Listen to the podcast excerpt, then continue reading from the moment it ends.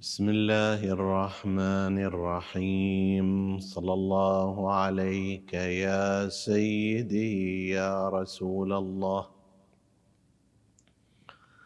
صلى الله عليك وعلى ابن عمك امير المؤمنين وعلى أهل بيتك الطيبين الطاهرين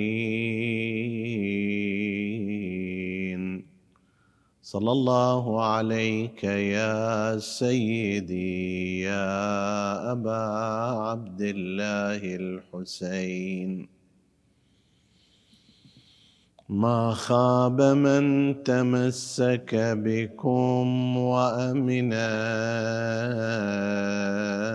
من لجا اليكم يا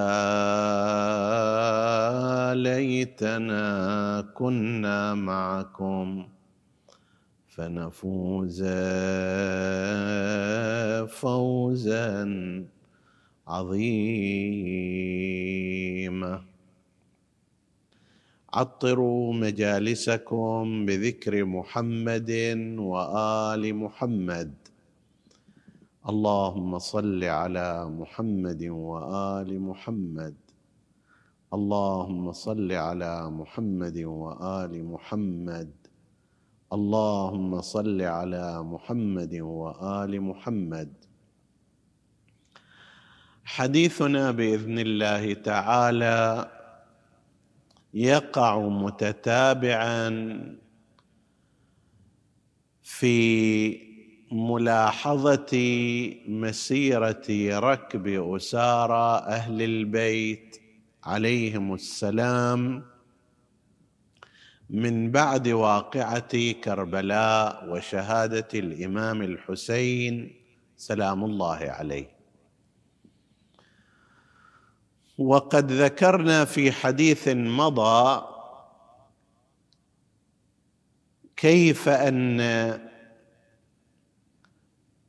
المؤرخين والباحثين الذين قالوا بامكان ووقوع قضية المسير من الكوفة إلى دمشق ومنها إلى كربلاء مرة أخرى في بحر أربعين يوما وعرضنا ما ذكروه بهذا الشأن. بناء على هذا الرأي سيكون لنا حديث عن وصول السبايا والأسارى إلى دمشق وكيف جرت الأحداث بعد وصولهم إليها.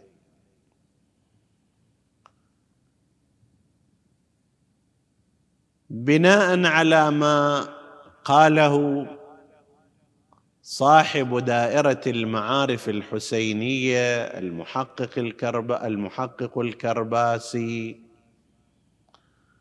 وهو إضافة إلى آخرين ممن استدل على صحة قضية الأربعين الأولى كما تم الاصطلاح عليها. يقول بحسب بحثه أن وصول ركب الأسارى والسبايا إلى دمشق كان في يوم الجمعة الأول من شهر صفر سنة إحدى وستين. وكان ذلك قبل الظهر بمدة. يعني ربما في بحسب توقيتاتنا في هذه الأزمان بحدود مثلا الساعة العاشرة بعد ارتفاع الضحى ارتفاع الشمس في الضحى وصل هذا الركب إلى أطراف دمشق. يفترض أنه في هذه الفترة لما لاحت رؤوس أبطال كربلاء ليزيد الذي كان مشرفا في قصره على منطقة مرتفعة وبالتالي يستطيع أن ينظر يفترض في هذه الأوقات وهذه اللحظات أنشأ ذلك الشعر المشهور عنه لما بدت تلك الحمول وأشرقت تلك الشموس على ربى جيروني نعب الغراب فقلت صح أو لا تصح. فلقد قضيت من النبي ديوني. وربى جيرون هي مرتفعات كان قد اتخذ فيها أحد قصوره. ونسبة الشعر إلى يزيد كأنها من الأمور المتفق عليها فلم ينكرها أحد عنه. غاية الأمر هم بحثوا أي العلماء هل أن هذا يدل على كفره راسا أو لا يدل على ذلك؟ فالذين ذهبوا من علماء أهل السنة إلى كفره بما جاء من عند رسول الله صلى الله عليه وآله وأنه بالتالي يستحق اللعن. ذكروا من جملة أدلتهم تمثله انشاءه هذا هذين البيتين وتمثله فيما بعد بأبيات عبد الله بن الزبعرة السهمي لعبت هاشم بالملك فلا خبر جاء ولا وحي نزل. هناك واضح أنه أصل الأبيات وإن قال بعضهم أنه هو أيضا أضاف عليها لكن أصل الأبيات معروف قائلها وهو في حين قول هذا الشعر كان كافرا. فلما تمثل بها يزيد كأنه يقر هذا المعنى. وأما هذه الأبيات الأولى التي قيلت في هذه المناسبة على أثر اطلاعه على محامل السبايا ومشهد الرؤوس هذه من إنشائه. يذكر هنا وهو يفترض أنه قريب إلى ما وقع فعلا أن قدومهم يوم الجمعة قبل الظهر مثلا بساعتين أو نحو ذلك أعطى للحكومة المتسلطة فرصة مناسبة لقضية العرض على المجتمع الدمشقي. فإنه في يوم الجمعة من المعتاد عند المسلمين في كل أماكنهم أن يجتمعوا في المساجد. وهذا الاجتماع هو اجتماع طبيعي ما يحتاج اليه إلى تحشيد أو دعوة أو إعلان. فلما وصل هذا الركب قبل الظهر إلى أطراف دمشق وإلى بواباتها قيل وهذا ليس بالبعيد أنه تم تأخير دخول ركب السبايا إلى داخل دمشق سواء كان ذلك من الباب المعروف باب توما أو من غير للآن هذه البوابة موجودة أو غيرها من البوابات فتم تأخيرهم لكي لا يدخلوا في وقت يكون الناس فيه غير مجتمعين. وانتخب وقت إدخالهم ما بعد صلاة الجمعة من يوم الجمعة حتى يكون الحشد الكبير من أبناء العاصمة هم بشكل طبيعي موجود هم بشكل طبيعي موجودون في الطرقات والشوارع وساحة البلد. عندئذ سيدخلونهم إلى داخل بلدة الشام ويحصل التفرج عليهم ويحتفل هؤلاء مثلا الحاكمون بالنصر الذي تحقق في زعمهم وأنه على أثر قتل الخارجين عليهم تم جلب نساء الخارجين إلى هذه البلدة بعد هذا منظر من أوضح المناظر في إعلان الانتصار. فهذا في زعمهم سوف يكسب الدولة قوة إضافية ويعطي درسا لكل شخص يفكر في مقاومة بني أمية وحكمهم بأن يتوقف. وبالفعل هكذا صار. تم تمرير ركب السبايا في الطرقات الرئيسية. في دمشق وفي ساحاتها حتى ينتهي الأمر الأمر بهم بعد ذلك إلى المجيء إلى قصر يزيد. لكي ينعقد بذلك المجلس الأول للسبايا والأسارى. نحن نحتمل أنه في الفترة التي بقي فيها ركب السبايا في الشام وهي التي امتدت نحو أسبوع من الزمان. هذه الفترة شهدت مجلسين بالتأكيد. جمع فيها السبايا وكان يزيد حاضرا وهناك مجلس ثالث يحتمل أن يكون قد انعقد ولو من دون السبايا والنساء. المجلس الأول هكذا عندما وصلوا يوم الجمعة كما قلنا وداروا بهن على طرقات وساحات دمشق انتهى الأمر بهذا الركب إلى قصر يزيد هناك تم إنزالهم وأفراد الشرطة العسكرية التي نسميها في هذا الزمان قاموا بتقييد النساء والإمام زين العابدين عليه السلام والأطفال.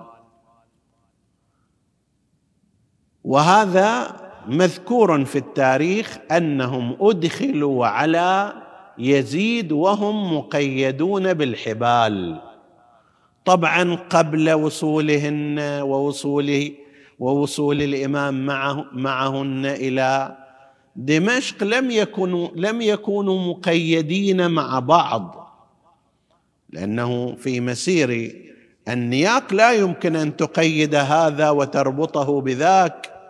فلو تأخر هذا الجمل أو تقدم ذاك الجمل من الممكن أن يتساقطوا لكن الذي حصل أنه قبل دخول النساء وقبل دخول الإمام زين العابدين عليه السلام إلى قصر يزيد تم ربطهم بالحبال وهذا يصير. يعني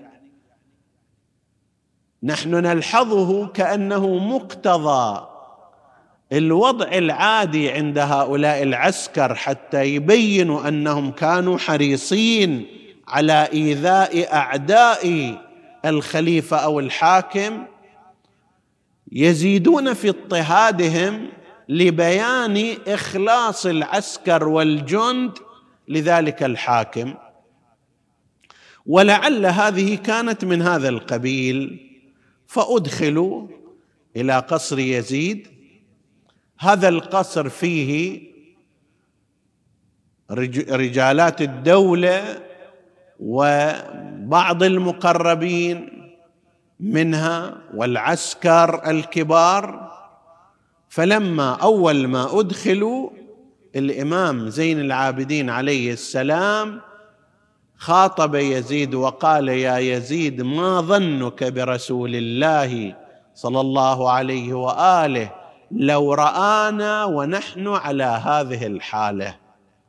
يعني أبناء بنات نساء الجميع ينتمي إلى رسول الله صلى الله عليه وآله. وهؤلاء مربوطون بالحبال في مجلسك وأنت تجلس كخليفة لرسول الله. فكيف كان؟ سيكون موقفه وهو يرى أهله مربوطين بالحبال في مجلسك. فكأن يزيد. لعنة الله عليه. قد استحى من ذلك وأمر بالحبال فقطعت عن هؤلاء. الآن يزيد يريد كما هي طريقة الظالمين أن يعطي رؤية وخلفية عن الموضوع. هؤلاء جاءوا وجلبوا لماذا وكيف لا بد أن يعطي تفسيره الخاص لأن الحدث من الممكن أن يقرأ قراءات متعددة. فلعل البعض يتعاطف معهم لعل البعض يرى خطأ الدولة أنها صنعت كذا وكذا. البعض الآخر ربما ما يدري عن الموضوع فأراد يزيد أن يقدم الرؤية الأموية. فقال للإمام زين العابدين عليه السلام بعد أن سأل عنه يا علي بن الحسين إن أباك قد قطع رحمي ونازعني سلطاني وأراد أخذ حقي. فقتله الله عز وجل. شوف تغيير الحقائق. الحسين هو الذي قطع رحم يزيد. يعني مو يزيد اللي أمر عبيد الله ابن زياد أن يقتله. أول شيء أمر الوليد ابن عتبة ابن أبي سفيان في المدينة. بتاريخ 27 رجب السنة الماضية وأنه انظر هؤلاء الثلاثة اللي منهم الحسين فإن بايعوا وإلا فاضرب أعناقهم. اي أي الطرفين هو القاطع للرحم؟ أو ذاك الذي أمر عمرو بن سعيد المعروف ابن العاص المعروف بالأشدق وهو الفاتك الشرس أن يغتال الحسين عليه السلام. وبالفعل حاول ذلك ف ولو كان في الكعبة. فرأى الحسين أن يخرج من الكعبة المشرفة حتى لا تستحل بدمه حرمتها. أو ذاك الذي جيش الجيوش وأرسل العساكر وأمر عبيد الله بن زياد استبدله. استبدل النعمان ابن بشير اللي كان ربما إلى حد ما أخف وطأة فاستبدله بهذا الطاغية الذي لا يعرف الذي لا يعرف من القتل إلا أنه كشربة ماء. واللي هو يقول أنه فإذا قتلت الحسين لعمر بن سعد فأوطئ الخيل صدره وظهره. من هو قاطع الرحم؟ ثم أي سلطان لك يا يزيد حتى ينازعك فيه الحسين؟ الحسين بنص رسول الله والحسن إمامان قاما أو قعدا سيدا شباب أهل الجنة هذا إمام ابن إمام اخو إمام أبو أئمة هذا بنص رسول الله. وبحسب الاتفاقية التي وقعت مع أبيه معاوية والتي يشار إليها في ذكرى شهادة الإمام الحسن عليه السلام محتوى تلك الاتفاقية واحد من بنودها أنه يكون معاوية هو الخليفة بيده أمر الناس فإذا وبعده يكون الحسن ابن علي. فإذا قضى الحسن قبل ذلك فيكون الأمر للحسين. هذا توقيع أبيه وهذه اتفاقيته. فأين سلطانك الذي أين سلطانك الذي نازعك فيه الحسين عليه السلام؟ لكن هذه هي حالات التزوير عند هؤلاء. يقول فقتله الله عز وجل. فقال له الإمام زين العابدين عليه السلام ما أصاب من مصيبة في الأرض ولا في أنفسكم إلا في كتاب من قبل أن نبرأها. يعني هذا قدر من الله عز وجل لكن يزيد أراد على نفس الطريقة الجبرية التي كان يقول فيها عبيد الله بن زياد يقول علي بن الحسين الأكبر الله قتله. هذا يزيد يقول الحسين أيضا الله قتله. فالإمام زين العابدين قال كل شيء كل مصيبة كل حدث هو مكتوب من عند الله عز وجل ومعلوم. الله لا يعزب عنه مثقال ذرة في السماوات ولا في الأرض. كل حدث هو بعلم الله لكن المرتكب من هو؟ هذا بحث آخر.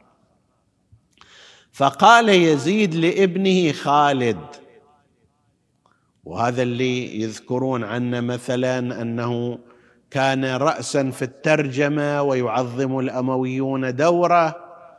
طيب. فقال لابنه خالد رد عليه يا خالد. رد على كلام علي بن الحسين الذي يقول ما أصاب من مصيبة في الأرض ولا في أنفسكم إلا في كتاب.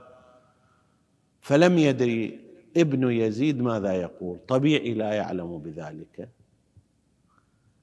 فقال ما أقول له؟ قال قل له وما أصابكم من مصيبة فبما كسبت أيديكم ويعفو عن كثير. وهذا أيضا تزوير آخر.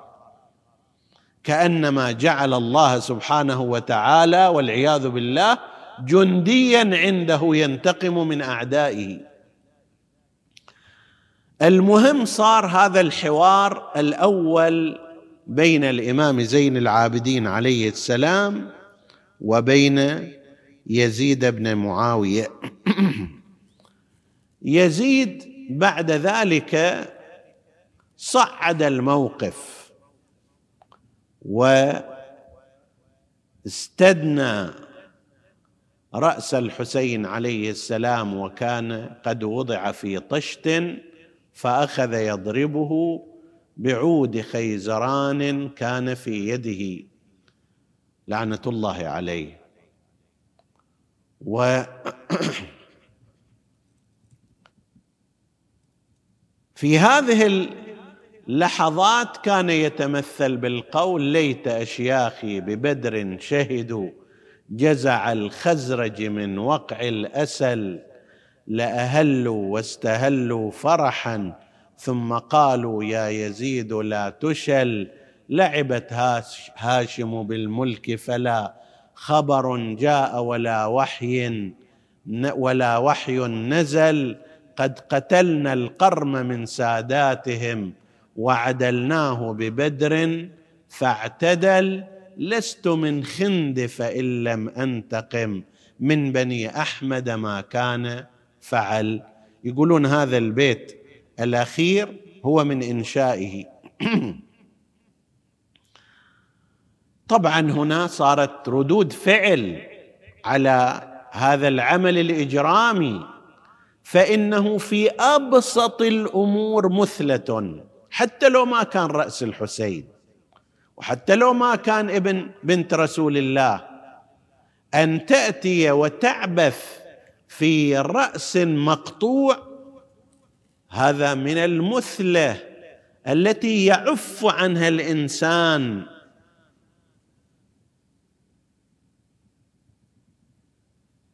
فأثار هذا الأمر غير واحد من الحاضرين منهم كما ذكروا أبو برزه الأسلمي وهو يعد من أصحاب رسول الله صلى الله عليه وآله. وكان حينها في الشام. فلما رأى ذلك احتج عليه وقال له يا يزيد ارفع عصاك. فلطالما رأيت رسول الله صلى الله عليه وآله أو ارفع عصاك عن شفتين كان يقبلهما رسول الله صلى الله عليه وآله. وانسحب أبو برزه الأسلمي من هذا المجلس وخرج. هو متوفى سنة 65 هجرية أبو برزه ويعد من أصحاب أمير المؤمنين عليه السلام لكنه كان من في تلك الفترة في الشام ولعله دعي إلى مثل هذا المجلس وهو لا يعلم عن المناسبة والبرنامج.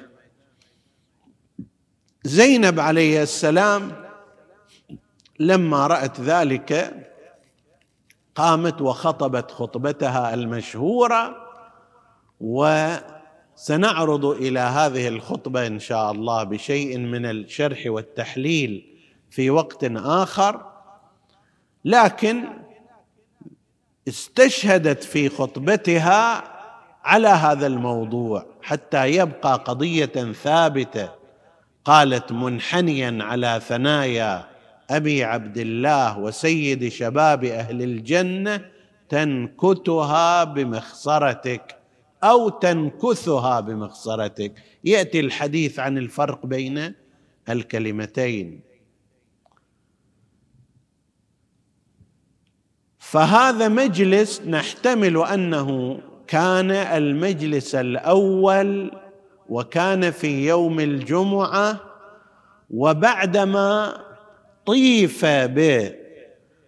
بالاسارى في حارات دمشق وشوارعها الأساسية وساحاتها والناس تفرجوا عليهم ثم عادوا بهذا الركب إلى قصر يزيد وأدخلوا فيه على تلك الحالة وجرى ما قد ذكرناه قبل قليل.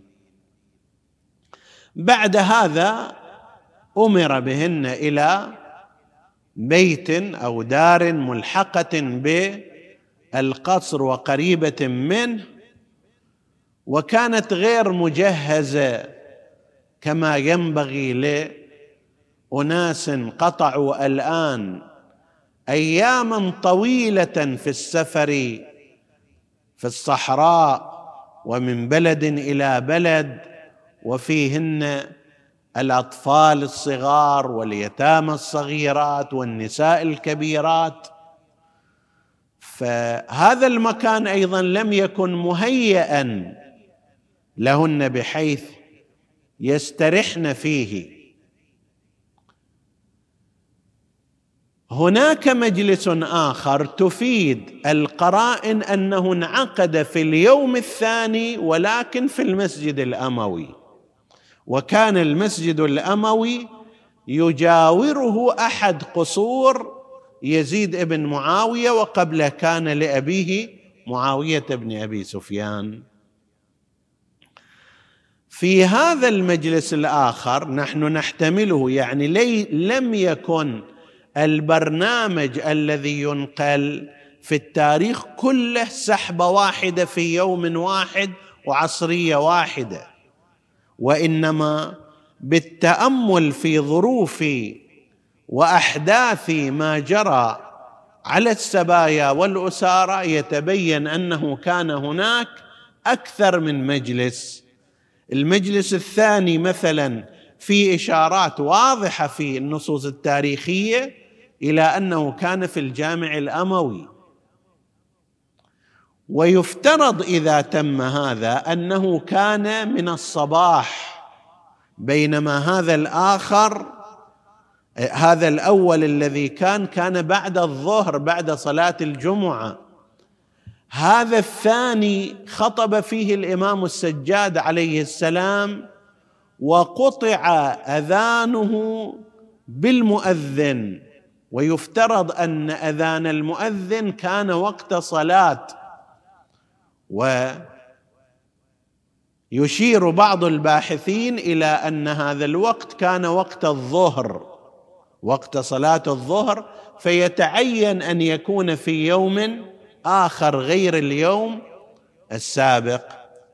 وهذا صار دعوة أكبر اليه وكان في حتى من خارج البلاد مثل ما نقل عن بعض القساوسة الذين جاءوا من بلاد الروم وأن بعض رسل ملك الروم نحن نحتمل أن يكون هناك وفد في ذلك الوقت من بلاد الروم قد جاء إلى دمشق وتم إحضاره في نفس هذا المجلس الثاني. المجلس الثاني الذي انعقد يفترض في يوم السبت من الصباح إلى وقت الزوال وقطع في وقت الزوال بالأذان. ويفترض أن في هذا كان أيضا هناك أناس من العامة حتى أن أحدهم ولم يكن ظاهرا من العسكر أو كذا عندما قال ليزيد يا أمير هب لي هذه الجارية. وأشار إلى فاطمة بنت علي أو فاطمة بنت الحسين على الخلاف الموجود وراددته زينب عليها السلام. في هذا يزيد لم يخطب. ولم يتكلم في هذا المجلس الثاني وإنما جرت الأمور بنحو كلف فيه أحد الخطباء المرتزقة من أنصاره فأقذع في شتم وسب سيد الوصيين أمير المؤمنين علي عليه السلام والحسن والحسين الأمر اللي جر الإمام عليه السلام أن يخاطبه فيقول أيها الخاطب لقد اشتريت مرضاة المخلوق بسخط الخالق فتبوأ مقعدك من النار.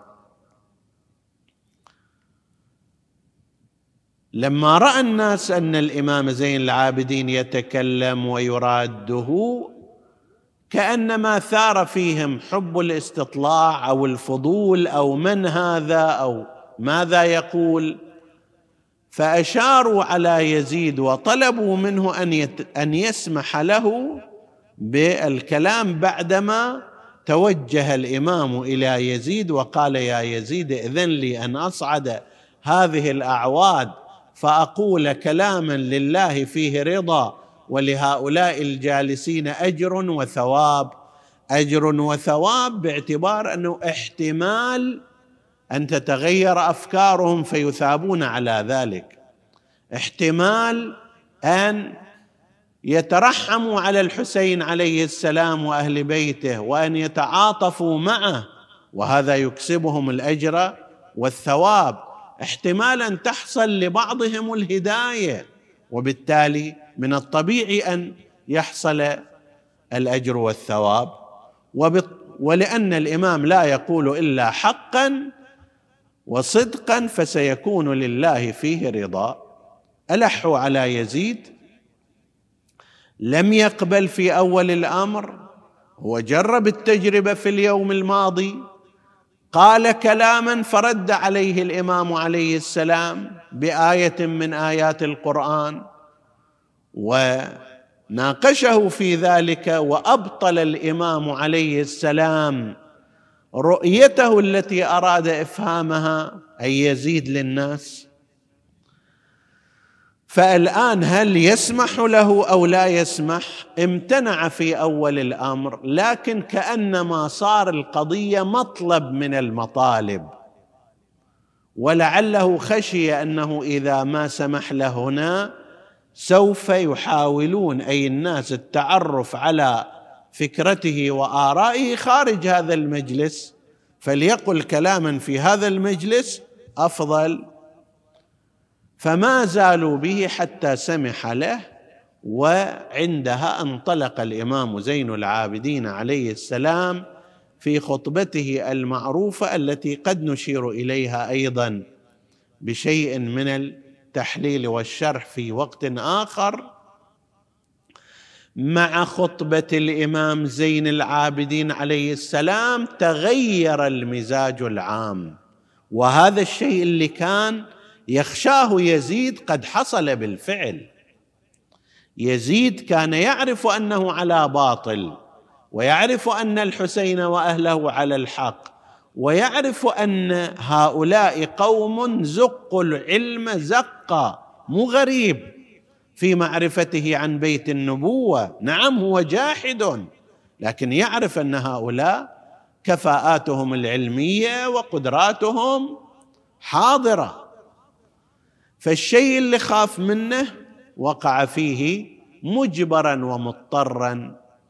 مع كلام الإمام زين العابدين عليه السلام والمواجهة التي سبقت في اليوم الماضي وكلام العقيلة زينب وتموج أهل دمشق بالحدث ولا سيما مع إصرار الكثير من السبايا على الإخبار عن أنفسهم. وعن أنفسهن. فهذه زينب عند فهذه سكينة عندما تسأل من أي الأسارى أنتم أو من أي السبايا أنتم؟ قالت نحن سبايا آل محمد. من الذي يجهل محمدا صلى الله عليه وآله؟ كيف يمكن لهذه الأمة أن تسبي ذرية وأسرة نبيها ورسولها؟ ونفس الكلام عندما أشارت زينب العقيلة معرفة بالحسين عليه السلام وبذرية رسول الله سوقك بنات رسول الله سبايا في خطبتها. أو تقول ألا فالعجب كل العجب لقتل حزب الله النجباء بحزب الشيطان الطلقاء أو عندما تقول أن النبي صلى الله عليه وآله هو الخصيم في يوم القيامة لك ولأمثالك. هذه كلها بالإضافة إلى مجلس اليوم وصار الحدث حدث كبير في البلد. ليس شيئا يمر عليه ويسكت عنه. الذين رأوا نقلوا إلى من يرى. الذين سمعوا نقلوا إلى من يسمع. وآنئذ لا يمكن للدولة أن تسيطر. على انطباعات الناس. هل يمكن للدولة أن تقول للناس لا تحبوا رسول الله؟ لا تحبوا ذريته؟ أدنى الدرجات أدنى الدرجات أن يكرم المرء في أهله. هذا حتى إذا زعيم قبلي حتى إذا رجل عادي. له شخصية وله احترام يكرم أهله. فكيف والحال أنه رسول الله وخاتم النبيين. منها من أول مجلس وبمرور الأيام تغير المزاج العام. وهذا ما أشار إليه ابن الأثير الجزري في كتابه الكامل في التاريخ الجزء الرابع. يقول لم أول ما قتل عبيد الله بن زياد. الإمام الحسين عليه السلام حسنت مرتبة ابن زياد عند يزيد وقربه إليه لكن بعد ذلك لما رأى أن الناس يمقتون قاتل الحسين والآمر بذلك بدأ يتغير الأمر. حتى صار يصرح يزيد. وهذه مرحلة ثالثة. قد لا نستطيع التعرض إليها. مرحلة التنصل من الجريمة. فبدأ يزيد يشعر أن ابن زياد بغضه إلى الناس. أصبح الناس يبغضونه. وصرح بذلك في بعض كلماته. أراد أن ينفي المسؤولية عن نفسه قال اللي فعل هو عبيد الله بن زياد لقد بغضني إلى الناس لو استشارني لما قبلت وما علي لو جاء الحسين إلي فأسكنته معي وإلى غير ذلك من الترهات التي لا تصح ولا تستقيم. المشهد المشهد الدمشقي للسبايا والاسارى كان مشهدا صادما بكل المعاني. من جهة الدولة الأموية أرادت أن تستثمر هذا النصر كما تسميه بأعلى الدرجات فنكأت الجرح بشكل كبير.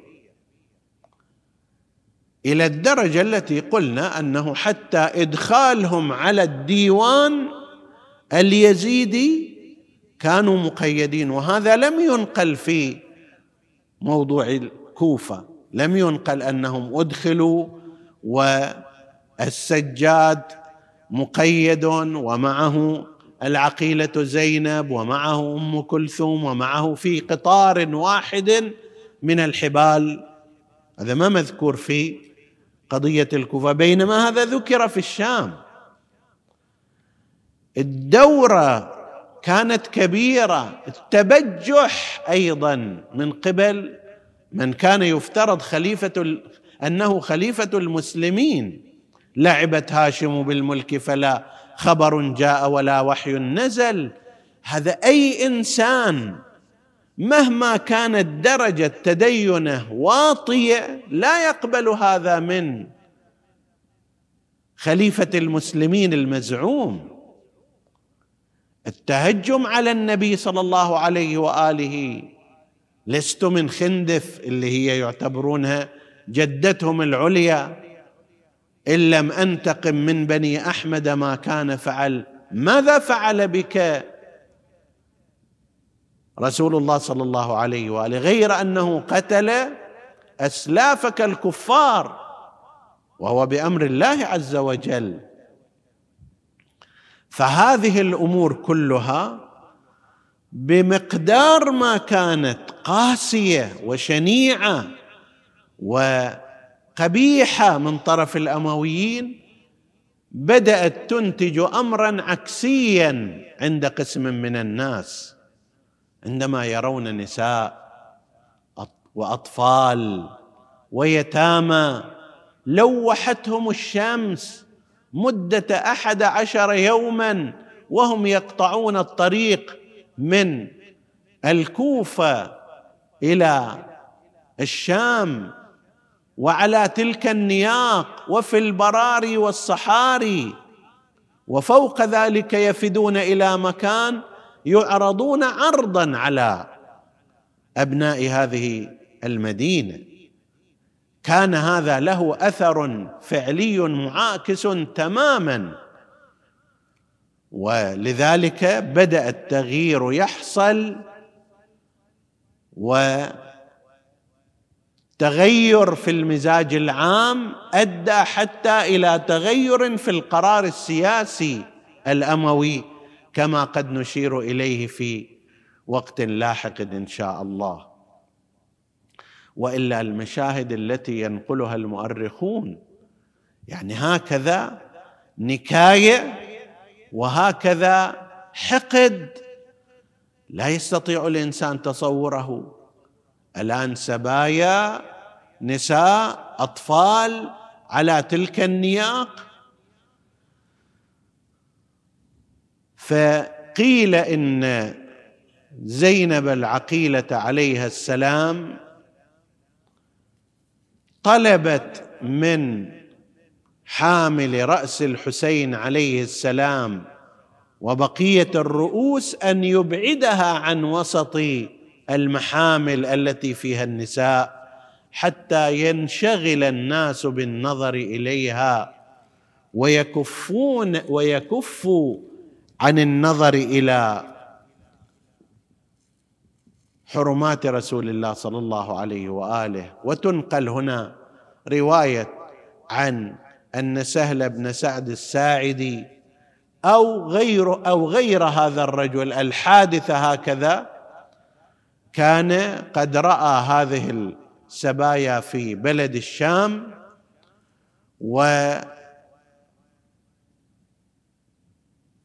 ونظر إلى جلالة امرأة فيهن وكأنها هي التي تقود الركب بالتالي آثار المهابة والجلالة عليها. فسأل عنها قيل له هذه زينب ابنة علي. فجاء إليها وقال لها أنا سهل بن سعد الساعدي كما نقل في الأخبار. وأحببت أن أخدمكم بشيء أمريني بأمر من الأمور التي أستطيع عليها. فقالت له يا سهل هل عندك شيء من المال؟ قال بلى ما تصنعين به؟ قالت له أعطها لحامل الرؤوس. وقل له يبتعد بهذه الرؤوس. عن وسط المحامل فلقد خزينا من كثرة النظر إلينا. ساعد الله قلبك يا زينب يا مخدرة الطالبيين يا عقيلة الهاشميين. هذا التعبير إذا صادر عن العقيلة زينب عليها السلام يجرح القلب جرحا. فلقد خزينا من كثرة النظر إلينا. المرأة المسلمة المحترمة إذا تم هتك سترها وتك وتكشيفها تجد في ذلك إهانة عظيمة لها. ما بعدها إهانة. فكيف إذا ترافق ذلك مع شماتة على مصيبتها؟ وكيف كان ذلك وكيف يكون ذلك إذا كان العدو يعتبر هؤلاء من الخوارج الخارجين البعيدين عن الإسلام. فقال لها بلى أفعل ذهب إلى ذلك اللعين وقال له لي إليك حاجة. قال بلى. قال وأعطيك مالا. قال بلى قال خذ هذا المال وأبعد الرؤوس عن وسط المحامل. لكن اللعين تقربا إلى سادته أخذ المال ولم يتحرك بالرؤوس عن مكانها. فهذا كان مما عانته العقيلة زينب. وسائر النساء سلم عليها وقال يلي على المطية والله حنينك زيد أحزاني علي. يخسون هل هالبلد منتي خارجية؟ وجنك يا مسبية من شيوخ المسلمين. قالت أنا جد النبي صفوة الجبار وأبوي حيدر قاسم الجنه مع النار ومكسورة الأضلاع شمامة المختار. أمي ونزينا يا يا يا واخوت الحسن وحسين. قال هالحسب والنسايب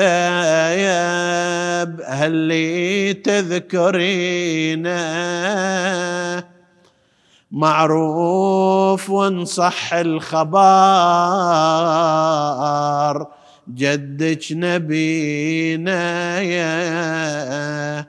لكن يا زينب وين؟ خدر اليوسفون تركبين حسرة فوق. ناقة واخوتك وين؟ قالت له لا تسأل. وعاين روس الرماح. ذاك الخدر يا سهيل. عني قوض وراح وعمود خيمتنا حسين تزلزل وطاح. بديار غربة يا سهل ضيعني حسين. هذه زينب ومن قبل كانت بفنا دارها تحط الرحال. نسألك اللهم وندعوك باسمك العظيم الأعظم.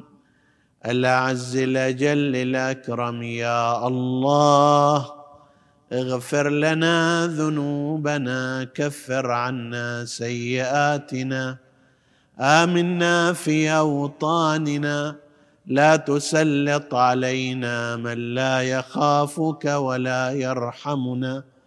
ولا تفرق بيننا وبين محمد وآله طرفة عين.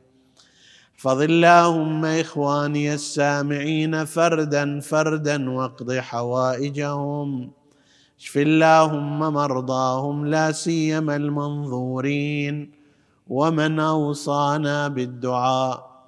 اللهم اشفهم بشفائك وداوهم بدوائك وعافهم من بلائك. وادفع اللهم هذا الوباء عن عبادك يا رب العالمين. تقبل اللهم عمل المؤسسين بأحسن القبول إلى أرواح موتاهم وموت السامعين. نهدي ثواب الفاتحة تسبقها الصلوات.